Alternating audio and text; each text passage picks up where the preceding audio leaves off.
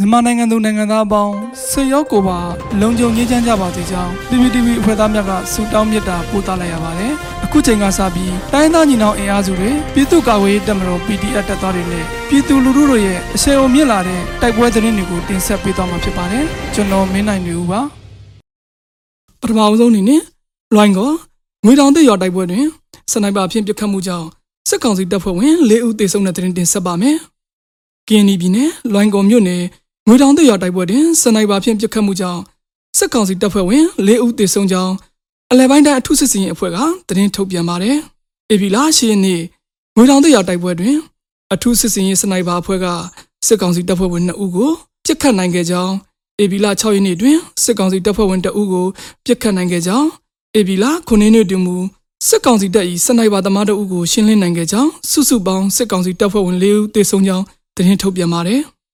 အလားတူ ဧပြီလ6ရက်နေ့ညနေ4နာရီအချိန်စကိုင်းတိုင်းဒေသကြီးစကိုင်းမြို့နယ်စတောင်မြို့ညောင်ငုတ်တို့ရွာတွင်တိုက်ပွဲဖြစ်ပြီးပြူစောတိ12ဦးသေဆုံးကြောင်း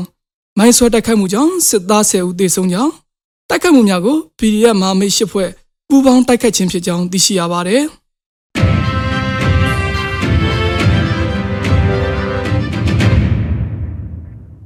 ဆက်လက်ပြီးပင်လယ်ဘူးရဲစခန်းကိုဒေသကာကွယ်ရေးတပ်ဖွဲ့များဝင်တိုက်ပြီး စစ်ကောင်စီကတိုက်လေရင်ဖြင့်ပင်လယ်ဘူးမြို့ပေါ်ကိုယနေ့တရက်အတွင်း၃ချိန်ဘုံကျဲတိုက်ခိုက်တဲ့တဲ့တင်ဆက်ပါမယ်။စကိုင်းတိုင်းပင်လယ်ဘူးမြို့ပေါ်ရှိရဲစခန်းကိုဒေသကာကွယ်ရေးတပ်များကယမန်နေ့ဧပြီလ9ရက်နေ့ည7:00နာရီခန့်တွင်ဝင်ရောက်တိုက်ခိုက်ခဲ့ပြီးယနေ့နေ့နဲ့တွင်အကြံဖက်စစ်ကောင်စီကတိုက်လေရင်များဖြင့်ပင်လယ်ဘူးမြို့ပေါ်သို့၃ချိန်ဘုံကျဲတိုက်ခိုက်ခဲ့ကြောင်းသတင်းရရှိပါသည်။ဧပြီလ10ရက်နေ့နက်ပိုင်းတွင်တိုက်လေရင်များဖြင့်၃ချိန်ဘုံကျဲတိုက်ခိုက်မှုကြောင့် နေအိမ်သုံးလုံးတမနဲ့မိလောင်ပျက်စီးနေပြီးပြည်သူအချို့ထိခိုက်မှုရှိနေကြောင်းဒေတာသတင်းရင်းမြစ်များထံမှသိရှိရပါတယ်။ပင်လယ်ဘူးမြို့ရဲစခန်းကို PDF များဝင်ရောက်တိုက်ခတ်ခဲ့သည့်ဖြစ်စဉ်အသေးစိတ်နဲ့စစ်သားဒေဆုံးမှုစီးရင်ကိုကနအူးမသိရှိရသေးပါဘူး။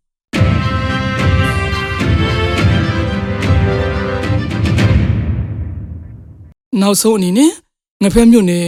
ရရင်တောင်ကျောတွင်စစ်ကောင်စီတပ်ဖွဲ့စောင့်ကြိုတိုက်ခိုက်ခံရပြီး အကြအဆုံးများသဖြင့်တက်ပြန်ဆုတ်သွားတဲ့တဲ့ရင်ဆက်လက်တင်ဆက်မှာပါ။မကွေးတိုင်းငဖက်မြို့နယ်အနောက်ဘက်16မိုင်ခန့်အကွာ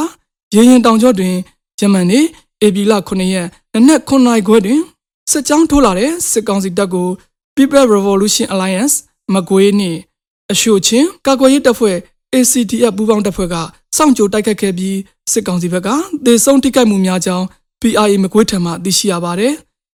အကြမ်းဖက်စစ်ကောင်စီတပ်ဟာပြစ်ခတ်မှုများလှုပ်ဆောင်ပြီးပြန်လည်ဆုတ်ခွာသွားကြောင်းစစ်သားထိခိုက်ဒေဆုံးမှုစီရင်ကိုအတိအကျမသိရှိရသေးကြောင်း PRA မကွေးကသတင်းထုတ်ပြန်ထားပါတယ်ခင်ဗျာ။